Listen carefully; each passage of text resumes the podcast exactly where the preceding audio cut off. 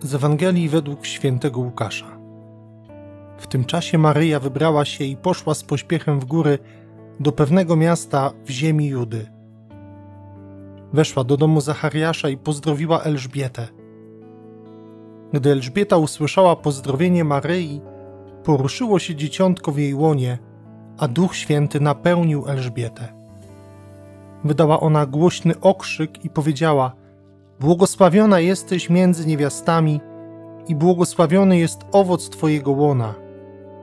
A skądże mi to, że matka mojego pana przychodzi do mnie? Oto bowiem, skoro głos Twego pozdrowienia zabrzmiał w moich uszach, poruszyło się z radości dzieciątko w moim łonie. Błogosławiona jesteś, któraś uwierzyła, że spełnią się słowa powiedziane jej od Pana. Wtedy rzekła Maryja: Wielbi dusza moja Pana i raduje się duch mój w Bogu Zbawicielu moim, bo wejrzał na uniżenie swojej służebnicy. Oto bowiem odtąd błogosławić mnie będą wszystkie pokolenia, gdyż wielkie rzeczy uczynił mi wszechmocny, a Jego imię jest święte. Jego miłosierdzie z pokolenia na pokolenie nad tymi, którzy się Go boją. Okazał moc swego ramienia, rozproszył pyszniących się zamysłami serc swoich. Strącił władców stronu, a wywyższył pokornych. Głodnych nasycił dobrami, a bogatych z niczym odprawił. Ujął się za swoim sługą Izraelem, pomny na swe miłosierdzie, jak obiecał naszym ojcom, Abrahamowi i jego potomstwu na wieki. Maryja pozostała u Elżbiety około trzech miesięcy, potem wróciła do domu. Szczęść Boże, kochani, witajcie serdecznie. Dzisiaj muszę się Wam przyznać, dla mnie jest bardzo ważny, szczególny dzień. Mianowicie dzień kolejnej, trzynastej już rocznicy moich święceń kapłańskich. Dokładnie dzisiaj mija 13 lat, od kiedy ksiądz biskup Andrzej Franciszek Dziuba namaścił mi dłonie i posłał mnie do tego, abym sprawował sakramenty, abym sprawował Eucharystię, abym rozgrzeszał ludzi. I dzisiaj chcę uwielbiać Pana Boga za ten Jego ogromny dar zaufania względem mnie. Ale wróćmy dzisiaj do Słowa Bożego, bo jest ono niezwykłe. Co się dzieje? Maryja, ta, która sama oczekuje dziecka, idzie z pośpiechem w góry do miasta Einkarem, gdzie mieszka Elżbieta. Zadziwia mnie zawsze ten pośpiech Maryi, ta jej determinacja. Wyobrażam sobie tę scenę, jak Maryja właśnie już nie może się doczekać, kiedy pójdzie do Elżbiety jej pomóc, kiedy pójdzie opiekować się nią, ale też objawić jej prawdę o tym, że została matką Syna Bożego. Jaka ogromna radość musiała być w Maryi, że ona z takim pośpiechem, nie chcę się tutaj wymączać, ale jest to pierwszy trymestr tego czasu, kiedy Maryja nosi pod swoim sercem Jezusa. Kobiety wiedzą doskonale, co znaczy pierwszy trymestr, gdzie jest po prostu najgorzej, najtrudniej się czuje człowiek. A ona ma w sobie tyle energii, tyle werwy do tego, żeby iść i służyć innym. I ta energia, zobaczcie, jest potwierdzona w tym, co się wydarza w tej scenie. Mianowicie, ile tam jest dynamizmu w tym spotkaniu Maryi i Elżbiety. To mnie niesamowicie zadziwia. Jak one w ogóle rozmawiają? W jaki sposób? Że one tak naprawdę rozmawiają proroctwem. Przecież to nie jest normalne, że kiedy spotykają się dwie kobiety, to mówią w ten sposób: Skądże mi to, że matka mojego pana przychodzi do mnie? One w tym wszystkim prorokowały. Dlaczego? Dlatego, że były pełne Ducha Świętego. I to jest niezwykłe. One były pełne Ducha Bożego.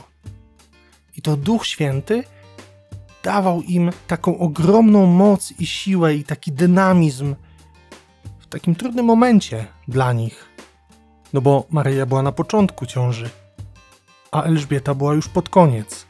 A mimo to nic im nie przeszkadza w tym, aby w taki naturalny, ale też i mega spontaniczny sposób się zachowywać. I to jest właśnie to, co czyni w nas Duch Święty. On nieustannie przynosi w nasze serca wiosnę, taką świeżość, nowe spojrzenie. I Maryja zaniosła do Elżbiety Ducha Świętego. I sama też tam, zobaczcie, zaczyna mówić piękne rzeczy. Ile one miały wtedy lat? Myślę, że niewiele, kilkanaście raptem. I już prorokowały. I tak patrzę sobie na ten dzisiejszy kościół i widzę, jak mało docenia się ludzi młodych, którzy doświadczają wylania Ducha Świętego. Że tak bardzo boimy się tego dynamizmu Ducha Świętego, że nam coś to zaburzy. Przecież to Duch Święty jest tym, który nieustannie ten kościół pobudza, porusza, prowadzi. Pan Bogu to nie przeszkadza. Tak się ostatnio przyglądałem życiorysom chociażby świętej siostry Faustyny, czy też małej Tereski od Dzieciątka Jezus, które w tak młodym wieku, przypomnę, że święta Tereska zmarła mając 24 lata, a Faustyna 33. To ja już jestem dużo starszy od nich. A one w tym wieku właśnie doświadczyły tak ogromnej łaski, doświadczenia mistycznego, takiej niesamowitej relacji z Bogiem. A my nadal w kościele boimy się ludzi młodych. A raczej powinniśmy korzystać z ich entuzjazmu, z ich świeżości i opiekować się nimi naszym doświadczeniem Pana Boga, naszym doświadczeniem bycia w kościele. Powinniśmy ich nieustannie wspierać w tym i prowadzić, czuwać nad nimi, a nie tłamsić, nie blokować za wszelką cenę. Kiedy Duch Święty działa, to wychodzi naprawdę ponad wszelkie schematy, stereotypy. On to wszystko przekracza. On nie chce być w jakiś sposób zaszufladkowany, bo wtedy przestaje być sobą. To trochę tak jak wiatr, który próbujemy złapać w słoik. Kiedy go zakręcimy, kiedy próbujemy go uchwycić, on przestaje być sobą, już nie jest wiatrem, tylko jest powietrzem, bo tam nie ma ruchu.